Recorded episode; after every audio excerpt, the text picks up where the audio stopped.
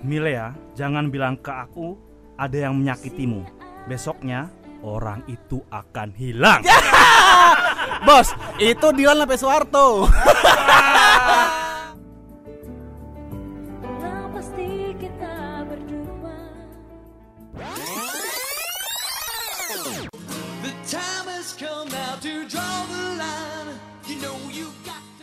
ini ada di satu ancaman masyarakat pasca kebenaran. Maksudnya ada post truth ya. Maksudnya gini, masyarakat yang merasa bahwa lebih ingin percaya dengan informasi yang ingin dia percaya.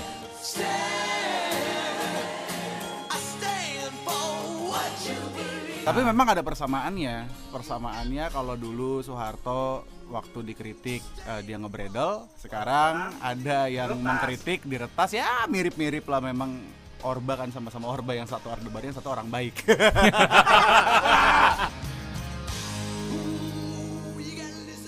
Selamat pagi, selamat siang, selamat sore dan selamat malam. Kembali lagi nongkrong sama kita di sini di Hamburger Podcast by HRWG.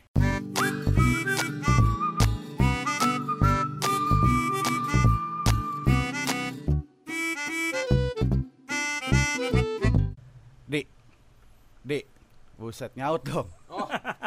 Gimana sih? Di, di, di, di, di daerahan rumah lo tuh masih banyak ini inian bendera gak sih? bendera Kemerdekaan. 17 Agustusan udah nggak ada Udah nggak ada. ya? udah nggak ada yang ada bendera kemenangan Ya, kemenangan dari mana? Kemenangan dari mana? Dari siapa? Kita masih begini. Ya udahlah, anyway.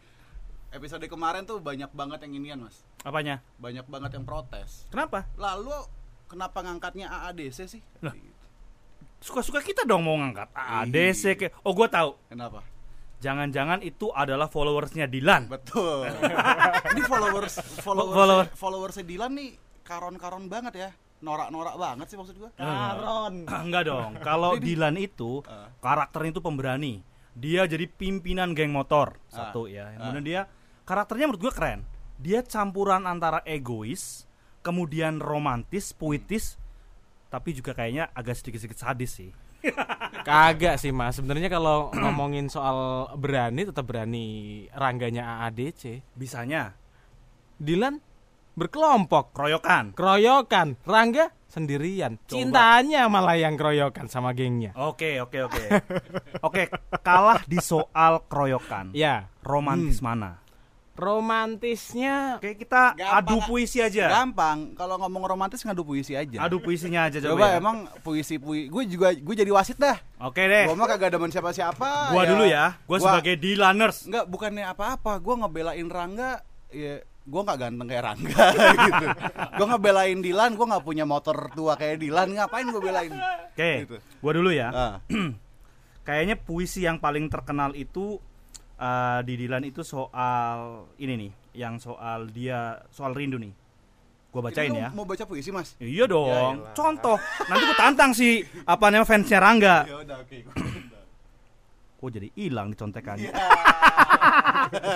Ntar dulu nih kita Ngadu nyontek. Oke. Gimana? Jangan rindu. Ah, Berat.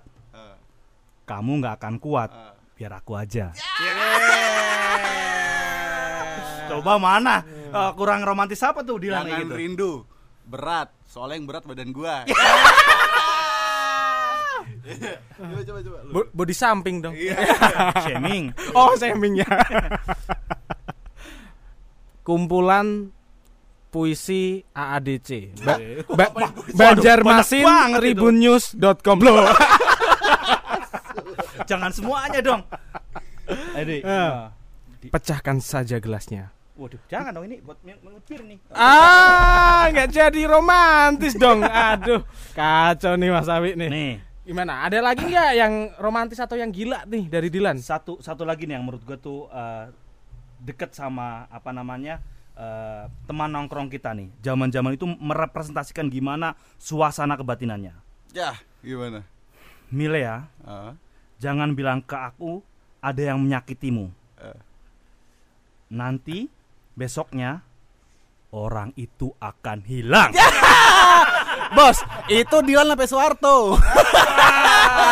Nah, Soehar itu ngomong puisi, ngomong puisi hilang. Iya. Kemarin tanggal 23 penulis puisi masih hilang. Namanya Wiji Tukul. Hilangnya Ina, gara-gara ina, Gara-gara siapa lagi? Pada masa-masa itu, makanya gue bilang dari awal gue benci banget sebetulnya kalau yang namanya merah putih merah putihan kemerdekaan ngibar-ngibar bendera. Aduh aduh Di aduh. mana ada ke sana lagi ya. kemerdekaannya di mana? Kita Pada masa itu, jangan-jangan pada masa itu mas. jangan-jangan jangan-jangan imbas dari kekuasaan yang sangat otoriter Hmm. itu meresap ke hati samunubarinya anak-anak muda zaman itu. Nah, Nah, kita apa namanya? Kita punya temen nongkrong nih yang iya. bisa konfirmasi apakah tahun-tahun 90-an zaman-zamannya Dilan itu memang kayak gitu suasananya. Iya, pada masa itu kan apa Soeharto Gua ngenalin dulu dong. Oh iya, nongkrong kita. astaga. Gue dari tadi berhenti di pada masa itu. Ignatius. Haryanto atau Mas Hari. Yeay. Coba. Halo Mas Mas Hari. Hari. Oke, selamat pagi, selamat siang, selamat sore, selamat malam. tagline tagline gue diikutin mantap udah udah ikonik berarti udah ikonik Kan kita nggak tahu dengernya jam berapa kan? Oh, benar. Nah, iya. Oke, oke. Klinik kali. itu emang sakit loh. Kalau nggak ngurusin klinik ya ngomongin soal mistis no. iya iya iya iya iya ah Soeharto Oke, gimana? nih? Nah. gimana mas ya tadi itu ngomongin soal kemerdekaan Oh, terus soal hilang-hilangan pada Nah. masa itu gimana tuh mas ya, eh hilang-hilangan itu kan terutama terjadi di tahun 96 lah ya. 96 ke, sampai ke 98. Itu kan masa-masa yang memang krusial, itu tahun-tahun terakhirnya Soeharto ya. 96 tuh saya ingat banget karena ada peristiwa 27 Juli ya. Nggak jauh dari sini tempatnya di apa eh, sekretariatnya PDIP dulu masih dibilang PDI aja gitu. Eh itu memang sebulan sebelum terjadi apa seruang- serangan ke apa kantor PDI PDI itu Oh, di sana tuh ada banyak mimbar bebas gitu ya mimbar bebas memprotes dan lain-lain seperti itu. Tapi ya kekuasaan pada akhirnya lalu kem- eh, punya cara sendiri untuk menghabiskan itu menghabisi gerakan-gerakan seperti itu.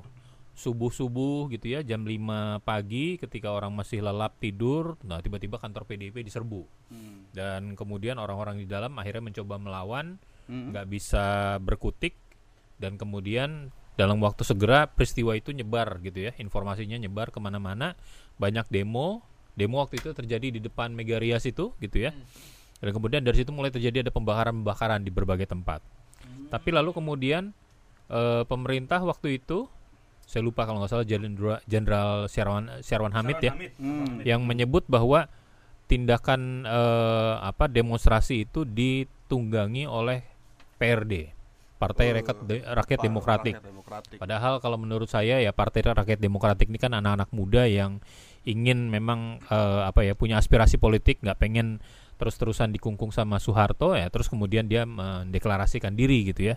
Tapi sejak saat itu lalu kemudian orang-orang PRD dikejar-kejar, dicari-cari gitu ya, sampai lalu kemudian satu persatu ditangkepin, Hmm. termasuk penyair tadi, Wiji Tukul itu. Nah itu, iya, iya, iya, iya. gitu. Zaman-zaman itu memang segala sesuatunya murah, termasuk juga Nyawa. nyawa, juga murah. orang. Tapi gini mas, zaman-zaman itu gimana? Ada nggak liputan-liputan atau eh, eh, karya-karya jurnalistik yang memberitakan dengan cukup jernih tentang situasi eh, penghilangan-penghilangan itu, mas? eh penghilangan itu sendiri mungkin baru eh, muncul belakangan ya. Eh, menjelang ke 98 itu baru baru terjadi yang penghilangan-penghilangan itu. Eh, tetapi tetapi saya kira bahwa Di Bredel nggak persnya kalau memberitakan itu. nah gini, 96 itu kan berarti tempo ya. Orangnya korban loh, korban. nih. Gini, eh 96 itu kan tempo udah di Bredel. Hmm. Tempo kan di Bredelnya 94 gitu ya. Temponya set- saya yang 2000-an. Tempo perjuangan.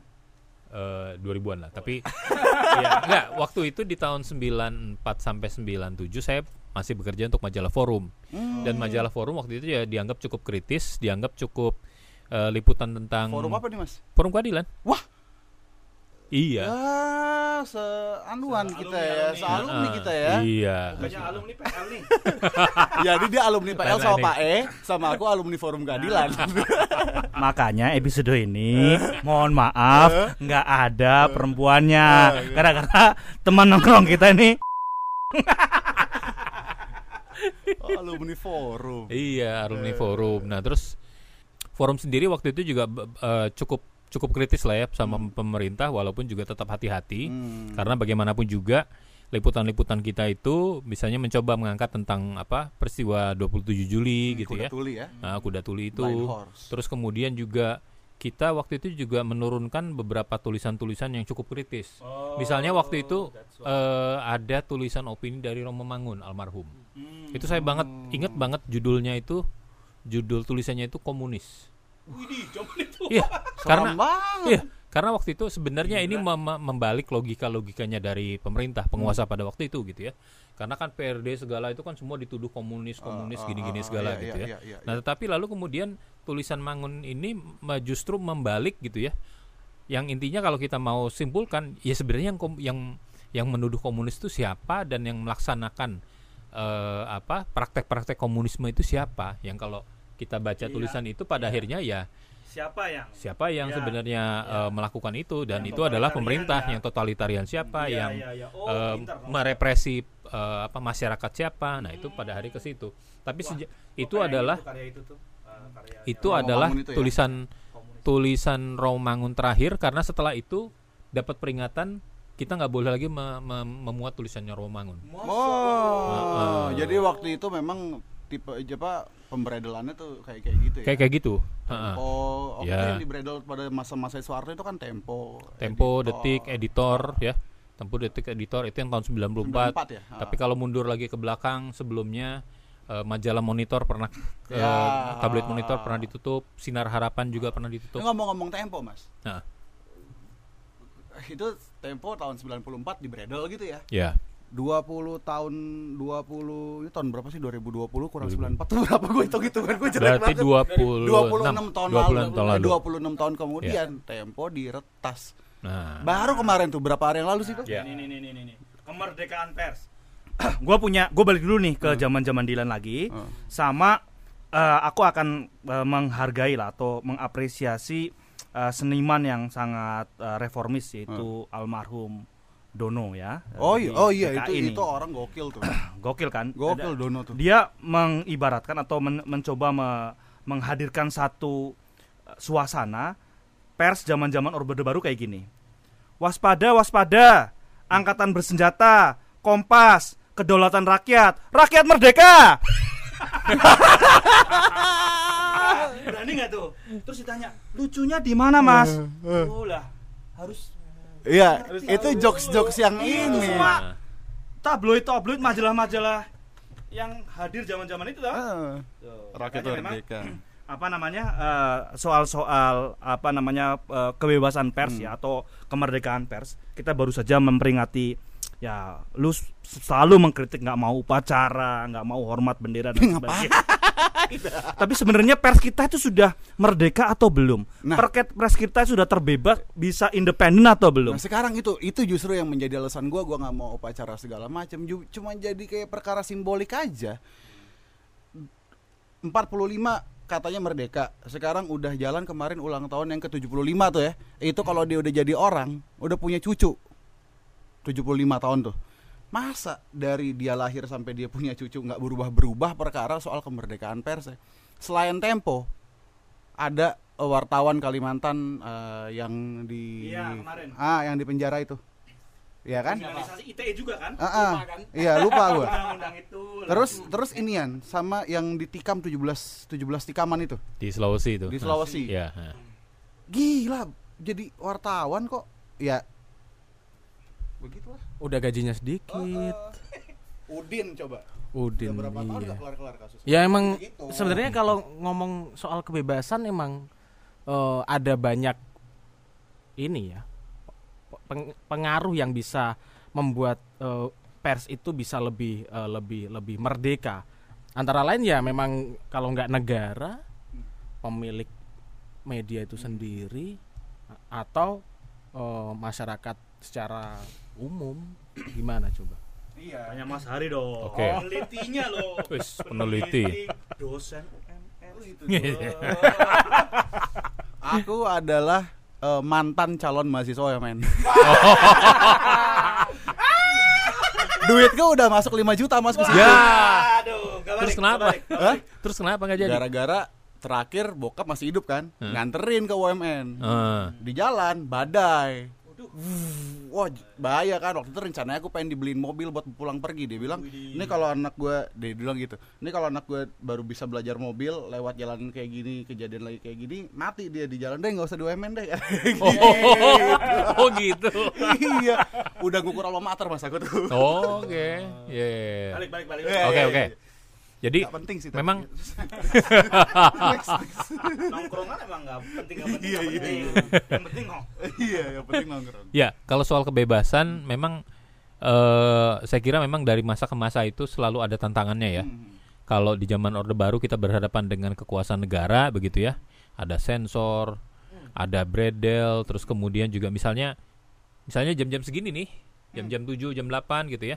Redaksi lagi nulis, tiba-tiba datang telepon Uh, dari dari Mabes entah atau dari Dispen apalah Ah, angkatan itu, darat apa segala namanya? gitu ya. eh, Har- Harmoko apa namanya? Eh, Penerangan. Departemen Penerangan. Penerangan. Iya. Akan bisa telepon bilang begini, "Eh, tolong ya itu berita yang tentang helikopter jatuh jangan dimuat ya." oh Nah, kayak gitu-gitu. Ya udah akhirnya berita yang tadinya udah disiapin akhirnya harus ditu- diturunin. gue pikir Cari lagi yang lain. gue pikir depart departemen penerangan ngurusin lampu jalan tapi tapi nih gua gua ngeliat nih hari-hari ini ada sesuatu yang seharusnya pers kita uh, tentu pasti akan ada karya-karya yang keren ngelihat dua hal Hmm. satu ada loh uh, yang lagi naik helikopter tadi Mas Hari bilang helikopter ya Ya. masa layak nggak sih? Ketua KPK tunggangannya helikopter coy. Kan dia waduh bilang katanya gajinya cukup buat bayar yang kedua yang kedua yang kedua. Berkaitan dengan kemerdekaan nih ya. Gue lihat kayaknya ada eh, romantisme. Ada semacam eh, apa namanya nostalgia tentang perjuangan. Yaitu Wis. gimana kalau aku ngelihat itu gedung kejaksaan itu kebakaran. Bayangin coba kayak Bandung Lautan Api coy. Bakarnya tuh gak cuma setitik. Semuanya. Oh my god. Aduh ada apa sih ini? Gua- jangan gua gue makanya kita harus dorong tuh. Pers harus ngebuka ini. Ada apa dengan kejak apa namanya? Kebakaran kejak kalau pertanyaannya ada apa tentu gue nggak bisa jawab ya kan? Karena gue juga udah bukan wartawan juga gitu. Tapi gue sesimpel ini aja. Gue gue hobi banget nonton uh, film uh, waktu itu bukan film series judulnya Narcos. Nah, soal. Pablo Escobar. Escobar. oh, Oh, Pablo oke. Escobar. Iya iya betul. Netflix udah disebut bayar ya. Endorse ya.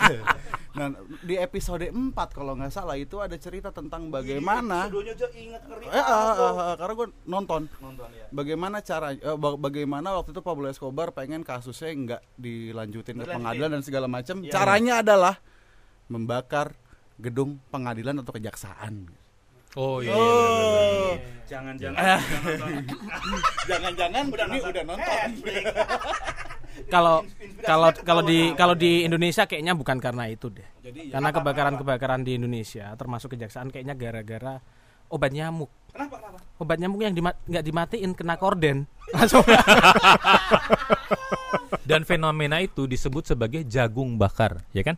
Iya, betul. Ya kan? Betul. Kejaksaan Agung jagung. Jagung. Nah, jagung Ke- bakar. jagung bakar. Jagung bakar mah enak ya. Oh. gue gue punya gue juga gue tuh di awal-awal apa namanya keterbukaan pers lah meskipun kadang-kadang ya secara etika tuh nggak ada manner-mannernya ya gue pernah baca koran kuning namanya tuh saya nggak usah nyebut merek-mereknya karena koran itu juga sekarang udah mati judulnya kalau nggak salah ini bisa jadi seksis tapi memang ini headline gitu jadi judulnya panjang banget kayak gini oh lampu ini Kamu merah. Nah, pokoknya lambung. Tapi gue masih, gue saking saking kerennya itu judul itu, gue sampai inget sampai sekarang. aduh paling males Tukang jagung menjajakan jualannya. Jagungnya dibeli banyak penjual eh, pembeli gitu ya. Kemudian jagungnya tukang jagung. Terus di bawahnya sendiri titik titik titik titik sodomi gitu loh. Aduh gue bilang gue sedih banget lihat kok jagungnya tukang jagung gitu loh. Itu ada masa-masa di mana pers kita punya kualitas jurnalistik sebagai headline yang panjang banget sehingga kemudian kayaknya tuh bebas mengungkapkan apa pun. Emang pers nggak punya etika gitu mas Nggak, tapi sebelum nyampe ke situ menurut gua, gua ada satu hal yang menarik. Kita ngomongin soal kemerdekaan, kita ngomongin soal pers, kita ngomongin soal kemerdeka kemerdekaan pers. Tapi ada juga yang harus kita ngomongin. Sebetulnya emang ketika kita akhirnya bisa merdeka katanya di tahun 45 gitu ya. Itu peran pers sebelumnya tuh pasti kan ada perannya dan itu tuh harus diaddress gitu, diaddress apa ya? Harus dibahas supaya orang-orang juga Baratkan di Jawa Barat kan alias dijabarkan. Kalau di Jakarta. Kena- Oke. Kenapa kita kita nggak bisa tutup mata gitu dengan keadaan pers yang hari ini dijadiin bulan-bulanan gitu ya maksudnya ya jadi so- reformasi kayak gitu tantangannya kali ya Iya, jadi sorry sorry ya ini tadi kan lo pada bahasnya soal apa AADC soal Dilan, gue sih bacanya Pram. Sorry sorry, Pramuka maksudnya. Pramuka. sorry Prambors.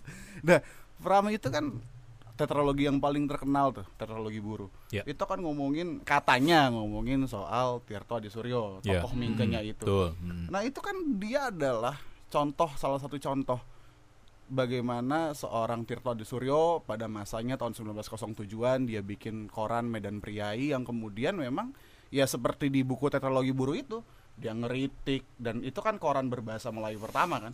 Dia ngeritik hajar segala macam. Dan itu memang ada. Bahwa ketika tadi ada pers ngomongin soal jagung bakar tukang jagung eh jagungnya gitu ada juga pers yang ngomongin ya lo harus kita harus ngelawan ini kita harus kita harus merdeka nih rakyat ditindas segala macam bla bla bla segala macam Mhm. jadi buat pendengar pram kalian harus pembaca pram sorry buat pembaca pram kalian kalian harus dengar podcast ini Yes, Ya gitu. tapi maksudnya gitu itu Iya, iya. itu kan ada ya mas ada ada ada, gitu. gini kalau kalau kita mau ngomongin tentang peran pers gitu ya itu kita lihat eh di masa-masa aw- apa sebelum kemerdekaan atau di awal abad 20 kayak begitu ya memang pers itu dijadikan alat perjuangan gitu ya. Sebelum Eh, abad 20 sorry. pada aba- awal abad 20 Awal, awal. sebelum Oke, kemerdekaan oke. sebelum kemerdekaan. ya. Nah jadi orang seperti perjuangan ya namanya ya ya. Tirto Adi Suryo nanti ada Marco Kartodikromo segala itu menggunakan menggunakan persnya sebagai alat untuk eh, melawan pemerintah melawan pemerintah kolonial pada waktu itu gitu ya. Nah tapi juga orang seperti Tirto ini kemudian juga mendapatkan dampak dari Yap, kritik-kritik yap, dia. dia ditangkap di penjara bahkan sampai dibuang ke Lampung. Enggak sampai ke Ambon waktu oh itu. sampai Ambon. Sampai ke Ambon. Tirto ya? Tirto. Iya iya iya Dan Ambon. dia- dia Makanya tuh, sama eh, princess itu kan. Iya, iya. bukan majalah eh, bukan tabloid Tirto ya. Eh, apa? Dan Iya, apa? dan eh, Tirto itu matinya muda, umurnya cuma 30 tahun kalau nggak salah waktu dia meninggal gitu ya. Tapi kita bisa melihat bahwa dalam hidupnya yang walaupun pendek tapi sudah memberikan satu Oh, jasa iya, yang luar iya, biasa. iya, iya. Keren, Dan keren, kita keren. juga perlu ingat Sang gitu ya. pemula ya eh, para bapak bangsa kita itu kalau kita bilang misalnya Soekarno, Hatta, Syahrir, Tan Malaka, semua itu adalah penulis-penulis atau yang mereka ini menjadi atau memiliki koran-koran masing-masing begitu ya. Soekarno itu menulis di tahun 30 eh, 20-an, 30-an itu di koran namanya Fikiran Rakyat Hmm. di Bandung ya. Terus kemudian Hatta dan Syahrir itu setelah mereka pulang dari Belanda itu Mhm. punya koran namanya Daulat Rakyat ya, Daulat Rakyat. Kemudian juga Tan Malaka kita tahu punya banyak sekali eh, apa tulisan-tulisan, pam- pamflet-pamflet begitu ya. Jadi empat empat bapak bangsa kita ini semuanya adalah penulis, semuanya mem- melihat pers itu sebagai sesuatu yang memang punya eh, nuansa perjuangan seperti itu. Memang kalau kita lihat ke hari ini, nuansa perjuangan itu kelihatannya memang menjadi sangat berbeda gitu ya. Tadi seperti yang Awi bilang misalnya banyak sekali kemudian pers yang menjadi sangat komersil atau mungkin malah mengeksploitasi seks secara berlebihan. Walaupun mungkin kalau dalam sejarah Indonesia, sejarah pers di Indonesia, ini bukan fenomena baru. Karena di tahun 50-an, 70-an hal kayak seperti itu juga terjadi. karena masyarakatnya suka. Masyarakatnya suka tetapi juga mungkin itu juga dilihat sebagai ekspresi politik yang tadinya direpresi lalu kemudian larinya ke sana begitu ya. Oh. Nah, tetapi kalau saya kira kalau yang terjadi di masa setelah eh, reformasi itu memang ya ya bebas yang sangat liberal seperti itu tapi lalu kemudian kan pasar juga menyeleksi gitu ya mana yang lalu kemudian akhirnya bisa bertahan dan tidak begitu jadi fenomena tentang pers kuning koran kuning seperti ini sebenarnya dalam platform apa pun sekarang kita juga bisa mencari apa iya. konten-konten semacam itu Nggak Nggak- harus di koran. nggak harus di koran Oh, Mau cari- mati ya. Iya mati. Oh. Eh, tapi misalnya dalam arti tertentu kalau misalnya memang apa pers kuning yang kayak begini kaitannya dengan soal mungkin bisnis ya bisnis prostitusi dan lain-lain seperti itu, saya kira dalam platform-platform apa aja yang sekarang kita ketahui selalu ada kemungkinan-kemungkinan itu gitu ya. Nah tinggal memang lalu pers kita ini mau mencerdaskan masyarakat atau kan ataukah hanya mengabdi untuk kepentingan kapital aja gitu. Nah itu yang saya kira pert- pertanyaan lebih penting sekarang karena tadi misalnya kita udah keluar nih dari cengkeraman negara nih ya katakanlah kita keluar dari mulut buaya sekarang masuk ke mulut harimau harimau nya siapa ya para pemilik pemilik media Yap, terutama yap, yap, yang yap. punya kepentingan-kepentingan politik kita tahulah satu dua tahun yang lalu misalnya setiap hari kalau kita nonton satu channel TV tertentu gitu ya, Ya. akan ada mars dari Oh iya, partai, itu tertentu. nah partai Ya, tersebut syukur nggak laku. Nah, syukur nggak laku. Nah, itu juga Nah, syukur nggak menang. Nah, itu juga saya kira eh, harus dicatat bahwa walaupun dia ini partai ini televisi ini dengan sangat bombastis menyebarluaskan segala informasi dan juga apa identitas tentang partai ini, pada akhirnya masyarakat juga banyak yang cerdas kok. Hmm. Banyak yang kemudian akhirnya bisa memilih ya mana yang bisa dipercaya dan mana yang tidak begitu. Nah, itu. Jadi kata kuncinya kalau eh, apa eh, akhirnya adalah kalau dengar Mas Hari itu kepercayaan, benar nggak Mas? Iya. Pers itu soal kepercayaan. Trust, betul. Trust. Oke. Nah, itu tadi kan kita udah ngomongin tuh berarti ya tadi Mas Ari ngomongin soal kita ngebahas soal pers di masa perjuangan Hmm, gitu ya. ya. Nah, di waktu zaman-zaman Orde Baru awal-awal itu kan juga ada masa-masa di mana pers dijadiin corong pemerintah kan. Yang kemudian ujung-ujungnya di di akhir periodenya Soeharto ya terjadilah deklarasi Sirna Galih yang akhirnya ada perlawanan-perlawanan semacam itu. Tapi maksud itu pernah juga ya kita ada di masa-masa kayak gitu ya. Harian angkatan bersenjata, harian berita Yuda gitu-gitu loh, Mas. Gini, kalau kalau kita ngomong eh, masa awal Orde Baru gitu ya, Ya. sebagian besar masyarakat memang punya kekecewaan yang cukup besar kepada pemerintahan Soekarno pada waktu itu Mhm. karena dianggap ekonomi tidak jalan dan lain-lain seperti itu gitu ya. Tapi sebenarnya itu dinamika politik yang ini terusan dari dinamika politik yang terjadi di tahun 50 60-an gitu ya. Tapi tiba-tiba lalu kemudian eh, ketika terjadi peristiwa G30S ya. Saya nggak sebut PKI-nya karena Hmm. PKI belum tentu yang menjadi pelakunya gitu ya. Jazz itu tuh tes Nah, itu. soal itu tuh. Nah, maksud saya begini, eh pada masa awal Orde Baru, ketika Soeharto naik itu ada banyak kepercayaan orang pada dia, ya. Ya, Dianggapnya ini ya, bisa ya. membuat eh, situasi yang lebih berubah, sehingga lalu kemudian koran seperti Indonesia Raya ketika muncul lagi di periode tahun eh, 68 itu sempat menyebutkan dia akan mendukung pemerintahan Orde Baru, tetapi dia memberikan cat- eh, catatan. Eh, ini korannya Mohtar Lubis ya Besar Lubis ya. eh bahwa kalaupun misalnya pemerintahan ini berjalan, kita tetap ingin memberikan kritik-kritik pada pemerintah. Hmm. Ya. Eh, jangan sampai lalu kemudian masyarakat dikorbankan untuk eh, pembangunan yang sekarang begitu. Nah, itu banyak pengamat me- menyebut itu adalah masa bulan madu antara pers dan pemerintah gitu ya. Hmm. Nah, kalau kaitannya dengan koran angkatan bersenjata dan berita Yuda, saya kira memang itu kalau kita bicara dalam konteks bagaimana propaganda terkait Ya. propaganda terkait dengan peristiwa G30S Yap, itu yang yap, terjadi. yap. Karena eh, tanggal 3 eh, tanggal 1 Oktober 65 semua koran itu di dilarang untuk terbit Oleh- hanya koran militer.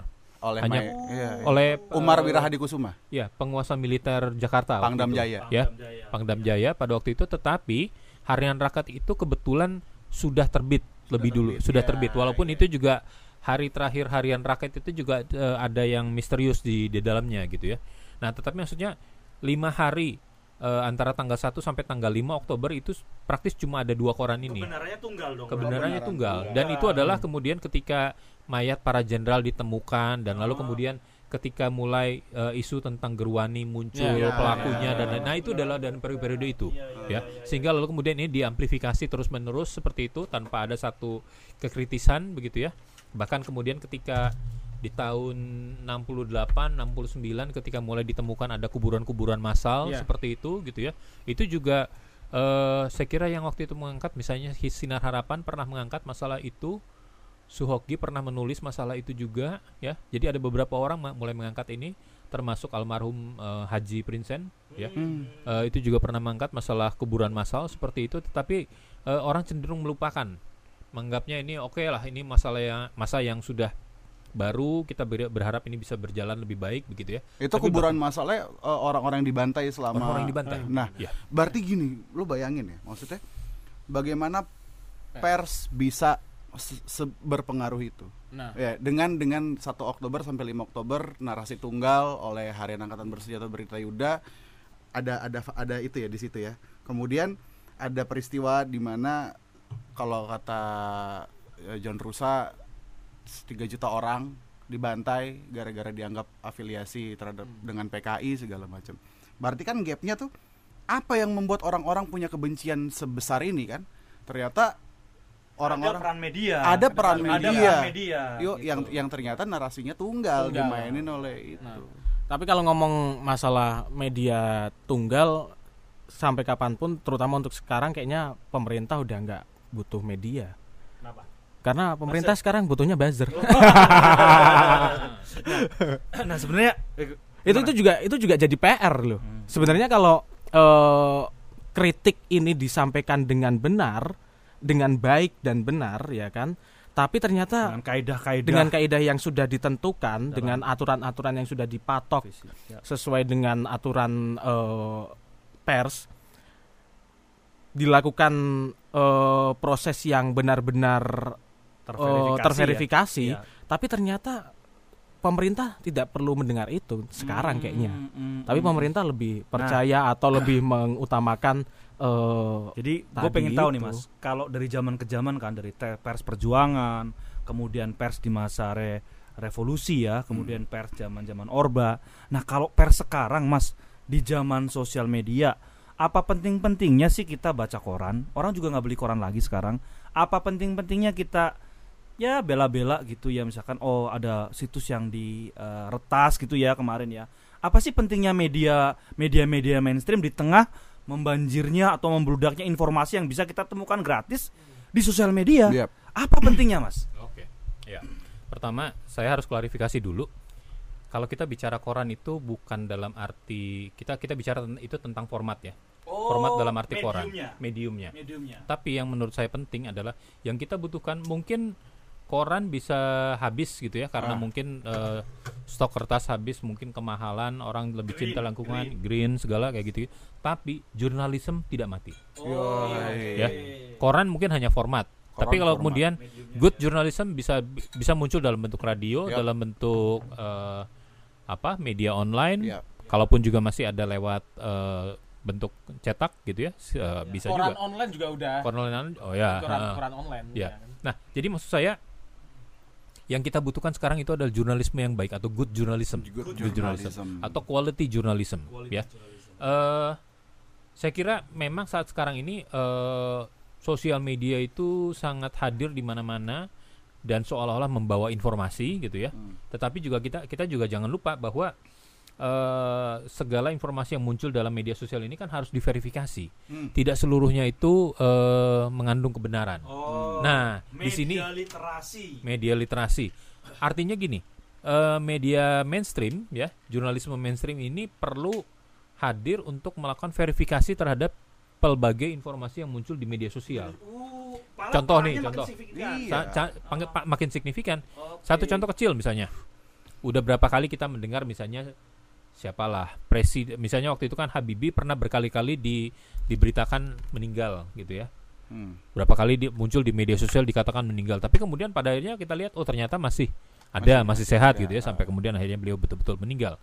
Kemudian kita lagi mendengar macam-macam hal gitu ya tentang isu-isu apalagi saat sekarang nih tentang Covid lah, ya tentang eh, kesehatan, tentang yang lain-lain ya tentang politik segala.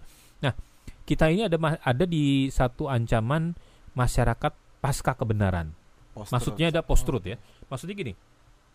Masyarakat yang merasa bahwa lebih ingin percaya dengan informasi yang ingin dia percaya. Ya. Hmm. Jadi memang feelingnya ya. Feelingnya. Oh, Jadi, feelingnya. Walaupun misalnya disodorkan data, disodorkan Ya, ya, ya. argumen yang rasional sekalipun, enggak enggak mental. saya maunya percaya yang ini. Eh sudah, selesai gitu ya. Hmm. Nah, di sinilah lalu kemudian peran dari media eh, media mainstream, pada saat sekarang adalah bagaimana tetap menyajikan informasi informasi-informasi yang Hmm, hmm, terverifikasi.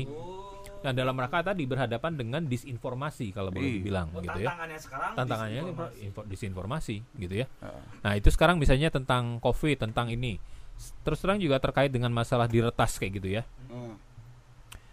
Saya kira apa yang dilakukan oleh Tirto, oleh Tempo gitu kan, ingin menyajikan good journalism. Yap, yap. Tapi lalu kemudian ketika ini harus berhadapan dengan kekuasaan, dengan pemerintah semacam kayak begitu ya, lalu kemudian terjadi tindakan-tindakan yang saya kira ini adalah bentuk tanda kutip ya represi baru lah ya. Ya. Eh, kalau dibilang beredel mungkin juga bisa juga Bisa. gitu ya.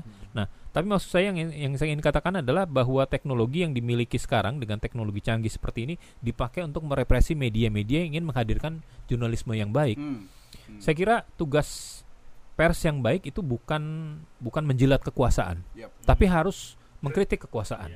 Karena bagaimana bagaimanapun juga kritik itu adalah kontribusi buat bangsa gitu ya. Watchdog kan? Watchdog ya. Dan itu peran itu pun juga diakui di dalam undang-undang Iya. ya. Dan eh, apa? Dari sini kita juga bisa melihat bahwa pemerintah itu membutuhkan kritik, membutuhkan counterpart gitu ya, terekan diskusi gitu ya.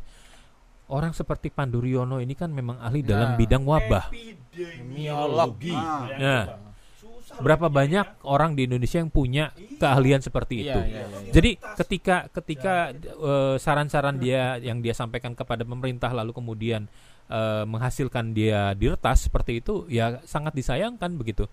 Padahal misalnya kalau saya tidak salah ada dua pemerintah daerah yang menggunakan pendapat-pendapat dia untuk Ya. menangani Mm. eh, COVID di daerah masing-masing seperti itu. Artinya apa? Ini bukan ahli kaleng-kaleng gitu loh. Ini Ya, ya, ya. memang ahli beneran yang memang kemudian memang punya eh, apa ya legitimasi untuk menyampaikan pandangannya. Kenapa yang kayak begini diretas begitu ya? Iya, iya, Kenapa iya. nggak dijadikan teman dialog kemudian Betul. supaya lalu kemudian polisi pemerintah bisa jadi lebih pas supaya kita semua ini bisa segera kel- keluar dari situasi COVID Karena- gitu. Pemerintahnya anti kritik sih. Susah. Jangan-jangan orang-orang yang melakukan itu pertasan-pertasan itu memang lebih maju dalam konteks Indonesia maju Dirgahayu maju anaknya maju. Mantunya.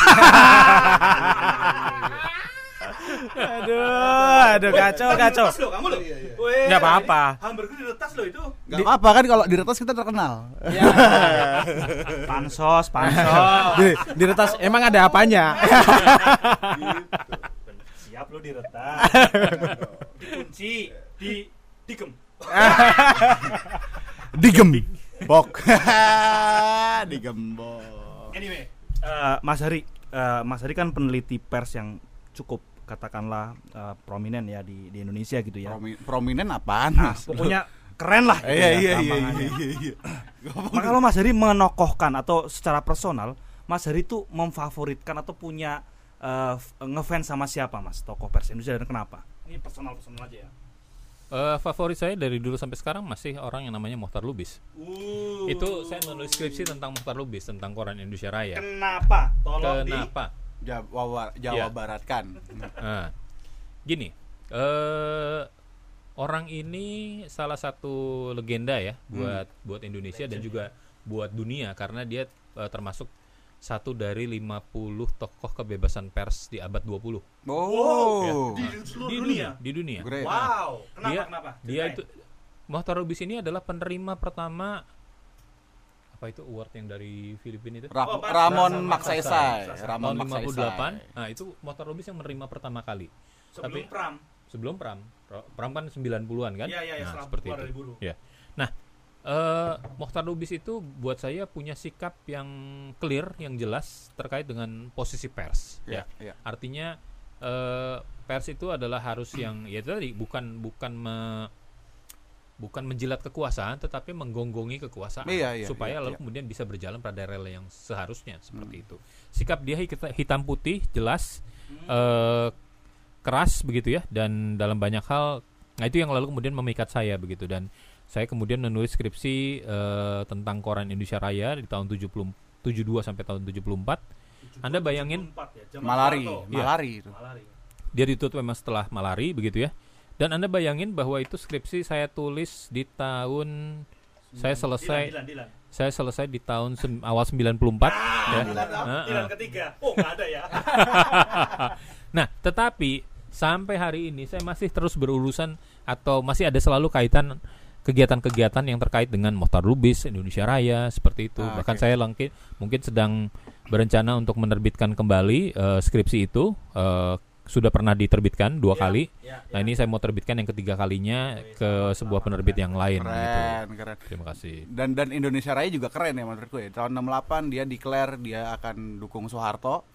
Ya kan? Di tahun 74 nyatanya dia di bredel Soeharto karena dia kritis terhadap ya Mm-mm. yang termasuk yang di bredel pasca peristiwa Malari itu kan kemudian. Nah, kalau terkait dengan malari itu misalnya ada satu tokoh lain. Malari itu apa? oh iya, Kayak, kayak, itu kayak ngomong yang kayak demam berdarah itu loh. Iya kan?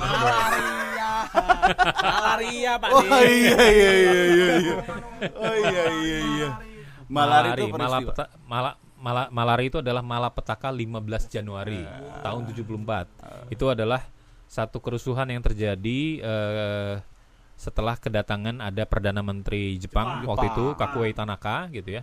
Di masa itu banyak kritikus mengatakan Indonesia itu eh, ekonominya didominasi oleh modal-modal Jepang ya. Hmm. Nah, lalu kemudian mahasiswa UI waktu itu eh, berdemonstrasi ketika perdana menteri Jepang datang, tetapi demonstrasi mahasiswa UI ini mereka berdemonstrasi di sekitar wilayah Salemba, tetapi lalu kemudian tidak lama terjadi kerusuhan mulai dari Senen, kemudian di kota dan lain-lain, dan pemerintah waktu itu menuding bahwa ma- mahasiswa inilah yang menjadi biang keladi Iya, terjadinya iya, kerusuhan, iya, iya. gitu ya, biasalah kayak gitu.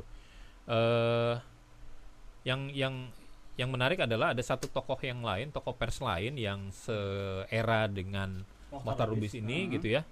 Korannya juga tutup eh, ditut- ikut ditutup pada peristiwa Malari, tetapi dia sempat meminta maaf kepada Presiden Soeharto pada waktu itu. Kalau Morton nggak mau. Nggak mau, Oh, mendingan iyalah. ditutup gitu ya. Nah, cilakanya orang ini setelah meminta maaf tapi tetap korannya kemudian ditutup. Ya rugi banget kan. itu itu koran apa Mas dia Mas?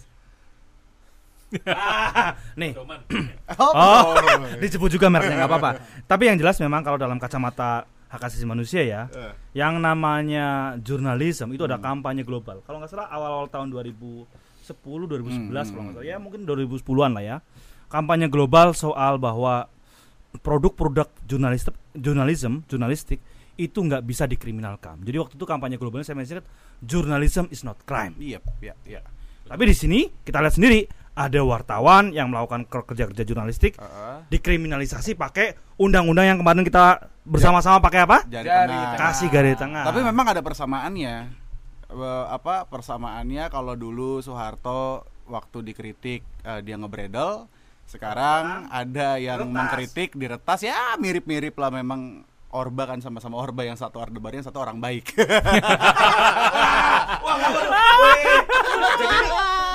Neo Orbani.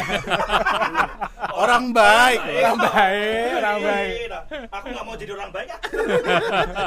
ya, saya kira itu benar kalau misalnya eh, kampanye global seperti itu ya untuk tidak mengkriminalkan wartawan ya. Kalau kita juga mungkin mendengar eh, istilah yang lain itu don't kill the messenger. ya. Yes. Don't kill the messenger. Ya, pembawa berita, pembawa pesan ini yang menyampaikan apa yang ada sebagai realitas begitu ya. Jangan kemudian gara-gara tidak suka dengan realitas itu yang dibunuh Betul. adalah pembawa pesannya. Nah, itu penyampai kebenarannya. penyampai kebenarannya begitu ya. Ya memang Iya, iya, iya. eh, wartawan, Don't kill the jurnalis bukan malaikat gitu ya. Tetapi kalaupun mereka mem- apa memiliki kesalahan kan ada juga mekanisme untuk melakukan klarifikasi, Iya. menjelaskan, Banyak, jawab banyak. ya. Di Mediasi di di mediasi Dewan lewat pers, Pers, betul, seperti Jadi itu. boleh dikriminalisasi ya mas ya. Boleh. Nah, ini yang kejadian sama dengan dengan teman wartawan yang di Kalimantan itu. Iya, Yang eh, kemarin di apa di ya di, eh, siapa? Diananta. Dia nanti ya. dia Nanta ya yang eh, ditahan di, di, di polisi lalu kemudian diputus tiga ya, bulan bebaskan ya. Iya. Eh, padahal kasusnya itu sebenarnya sudah dimediasi di Dewan Pers. Oh, iya, iya. tetapi selesai, udah sudah selesai Sudah ya, selesai. sudah diputuskan tetapi lalu kemudian dan sebenarnya tidak boleh at- atau ada MOU yang pernah menyebutkan antara eh, Dewan Pers dan polisi bahwa kalau sudah di, di mediasi di dewan pers tidak boleh dibawa ke ranah pengadilan karena itu dua hal yang berbeda gitu. Itu ada dalam undang-undang eh, pers. Eh, bu- bukan di undang-undang pers tapi itu ada ada MOU gitu ya Oh, kesepahaman antara polisi sama polisi dewan dengan pers. dengan dewan pers. Oh, kayak berarti begitu. itu ngelawan MOU itu tuh. Nah, Enggak, itu. Mana tuh? Tapi memang polisi ini identik dengan nggak sengaja dia. Oh, Iya. Dia kemarin Habis mukulin orang. dia Oh, air keras loh dia. iya, siram loh. air keras nggak sengaja, ya kan? Terus Mukulin ada orang. mukulin orang, terus katanya nggak sengaja. Itu tapi kalau kalau lawakan di tempat SMA saya itu la- lain lagi cara ngomongnya. Gimana? Ngaceng aja. Iya iya iya iya iya. Iya iya. Seksi sih Oh, gue, seksi sih gue loh. Iya. Eh, Tapi gini, ini ini podcast hamburger dan tadi nggak ada ngomong hamnya kata orang. Kata kata orang. Emang apa kaitannya pers sama ham kata orang? Ya? Padahal dia nggak tahu. Jelasin Jess, jelasin. Iya kenapa jelasin? Iya kan? Ya ham ya hak untuk mendapatkan informasi itu kan bagian juga dari ham. Ya lo untuk bisa ngedapetin informasi yang baik ya ya pers. Dukung, iya. Ya pers lo dari siapa? Yang punya yang bisa yang ada mekanisme verifikasi, ada segala macam dan segala macam. Iya dong. Ya. Eh, Makanya ka- kaitannya erat banget. Deklarasi sebetulnya. hak asasi manusia Yap. itu di pasal 19 menyebutkan hal itu. Iya. Artikel Ya, 19. artikel Ah. 19 Ya, ya menyebutkan bahwa orang eh, berhak untuk menyampaikan ekspresi, Yap. mendapatkan informasi, mengolah informasi Hmm. gitu ya. Jadi itu adalah sesuatu yang pengakuan yang diakui di tingkat dunia iya, gitu. Iya. Gitu. Tapi nah Begitu. akhirnya dengan segala problematika, cah problematika. Problematika. Dilarang Nah, dengan segala permasalahan yang ada dinamika yang udah yang udah terus terjadi gitu kan. Dari pers jadi alat perjuangan, kemudian pers sempat jadi corong, pers sempat dikekang, sampai ada deklarasi Sirna Galih Aji muncul sampai akhirnya kemerdekaan pers berhasil direbut lewat UU 40 tahun 99 gitu kan. Hmm. Apakah Kita itu merdeka. apakah serta merta kemudian pasca UU pers 4099 kita lantas sudah merdeka persnya? Kita merdeka belum Mas? Kira-kira Mas. Belum. Woi, ternyata Gini. belum merdeka. Iya, memang itu jawaban yang sudah kita tahu. Eh, Lain. gini, kondisi kemerdekaan buat saya mungkin itu semacam utopi. Oh. Tetapi utopi yang harus terus diperjuangkan Iya, iya, iya, dan iya. patut diperjuangkan. Dan Kenapa? Karena selalu eh, setiap rejim itu selalu punya keinginan untuk mengendalikan pers. nah, Karena bagaimanapun juga pers ini kan yang kemudian akan menghasilkan lewat informasi-informasi yang dia sampaikan Ya. menghasilkan citra terhadap kekuasaan itu sendiri. Iya. Semua kekuasaan berkepentingan untuk mendapatkan citra positif dari pers, ya. Hmm. Nah, tetapi lalu kemudian masalahnya kemudian apakah pers kemudian akan menerima hal itu atau tidak gitu kan? Ya kita lihat dong kinerja dari pemerintahannya kayak apa. Masing-masing rejim akan dinilai secara berbeda-beda seperti itu. Jadi saya kira eh, tekanan-tekanan terhadap pers ini adalah sesuatu yang tanda kutip memang ya harus dihadapi. Iya. Dari masa ke masa selalu akan ada situasi seperti itu. Saya menganggapnya ini semacam kalau ini apa ya istilahnya pendulum ya Pendulum. bisa bisa ber, selalu bisa kadang bergerak ke kiri Hmm. tapi kalau udah ini ke kanan ke kiri ke tengah seperti Iya, itu iya. jadi selalu akan eh, tarik menarik dengan kekuasaan itu selalu terjadi dalam rejim mana pun Dalam, dalam kekuasaan mana pun tetapi jangan lupa bahwa misalnya kalau anda tadi menyebut tentang adanya deklarasi Sirnagali itu adalah satu indikasi di mana ketika situasi persnya itu sudah makin menyebalkan Ya. ya ada banyak pihak-pihak juga yang kemudian berupaya melakukan perubahan-perubahan Iya, seperti itu iya, iya, Ya. iya. Meskipun akhirnya orang-orang yang pada waktu itu terlibat di deklarasi Sirna Gali akhirnya apa banyak yang di blacklist kan dari Mm. PWI nggak Ya. boleh dapat kerja dan segala Ya itu macam. termasuk saya anggota AJI juga. iya Benar. tahu saya Ya. Pendiri bukan tapi anggota awal. Ah, ah. Hmm, Iya, gitu. pada akhirnya itu tadi kan, Mas. Kita ternyata hari ini masih juga belum merdeka nih. Pasca UU 40 tahun 99 masih juga kita ada aja problemnya yang dihadepin. Aktornya berbeda lagi kan. Betul. Tadinya Iya. negara, sekarang Ah. menjadi perusahaan pers dan oligarki media dan segala Mm-mm. macam. Mm-mm. Yang akhirnya berpengaruh juga ke konten-konten jurnalistik yang barangkali masih banyak juga yang menyebalkan buat kita akhirnya. Mm-mm. Konten jurnalistik yang clickbait dan segala macam. Mm-mm. Mm. Apa sih yang harusnya kita lakukan hari ini, Mas? Maksud, Oke. Maksudku. Dan kenapa kita harus tetap kekeh mempertahankan pers yang kredibel Dan kemerdekaan pers. dan kemerdekaan pers? Oke. Dalam situasi seperti Covid begini, banyak pers mengalami kesulitan ya untuk bertahan, untuk bisa bertahan hidup dan lain-lain. Eh, di beberapa negara ada sempat solusi atau misalnya seperti Prancis gitu ya berpikir tentang mensubsidi pers. Kenapa sampai pemerintah Prancis itu berpikir untuk mensubsidi pers? Hmm. Karena pers ini dianggap sebagai barang publik, Ya, bonum ya, komune. ya, Ah. bagus Ya, bonum komune. Kalau tidak ada pers, kemudian lalu kemudian kita akan mengandalkan informasi dari mana, Hmm. gitu ya. Kita semua ini hidup sebagian besar pengetahuan yang kita miliki itu datang, datangnya kan dari pers, dari media, ya. Kita nggak bisa pergi, misalnya ketika kemarin eh, ada ledakan di Beirut seperti itu, Iya, kita nggak pergi ke sana untuk melihat bagaimana itu terjadi, tetapi tetapi kita tahu itu lewat media. Yap. Nah, oleh karena itu kita membutuhkan media yang kredibel, media yang berkualitas pada saat sekarang dan oleh karena itu ya mari mensupport media-media yang memang kredibel, media-media yang memang eh, memiliki atau mengha- menghadirkan informasi-informasi berkualitas gitu ya. Ya tinggalkanlah misalnya media-media yang mengandalkan clickbait semacam itu Ya. gitu ya. Eh, misalnya eh, ada berita gembira kemarin juga misalnya eh, kolaborasi yang dilakukan oleh beberapa media Jakarta Post, Tirto, eh, ya, Yang membongkar ini ya. ya membongkar soal apa nama baik kampus, ya Ah. soal pelecehan yang terjadi di kampus, ya itu Juga yang penghargaan. dilakukan di gereja-gereja juga kalau nggak salah sempat ada juga. ya, ta. nah, Ah. seperti itu. Jadi artinya eh, kolaborasi ataupun inovasi-inovasi dalam jurnalistik ini perlu dihargai, Iya. ya. Jadi sehingga lalu kemudian ya kita mari support eh, media-media yang memang kredibel. Kalau yang belum berlangganan ya mari berlangganan Hmm. seperti itu atau mengandalkan informasi dari outlet-outlet yang memang bisa dipercaya begitu ya. Jangan mengandalkan media-media abal-abal Hmm. karena bagaimanapun juga media abal-abal ini ya hidup dari klik yang mereka eh, Ya, ya, dapatkan begitu ya. Nah, itulah kira-kira. Hmm, Oke. Mm-mm. Itu kita sangat ini ya. Sangat berisi banget hari ini kita punya diskusi nih ya. Mateng banget nih. Mateng banget. Well cook kalau orang bilang nih. Ada lagi nggak, Mas? Ya, eh, jadi eh, betapa pentingnya ya eh, kebebasan pers ini sebenarnya ya. Iya. Jadi memang kalau kita ngomong cuman hidup-hidup doang, saya rasa ini juga ada kaitannya dengan saudara-saudara kita atau eh, teman-teman kita di Hong Kong. Kalau cuman ngomongin soal hidup, mereka hidup loh di bawah undang-undang keamanan eh, Ya. nasional baru. Ah. Tapi nggak cuman kehidupan yang ada di ada soal kebebasan dan pers adalah corong terhadap kebenaran. Kita harus dukung kebebasan pers. Tepuk tangan gak nih? Tepuk tangan. Oke.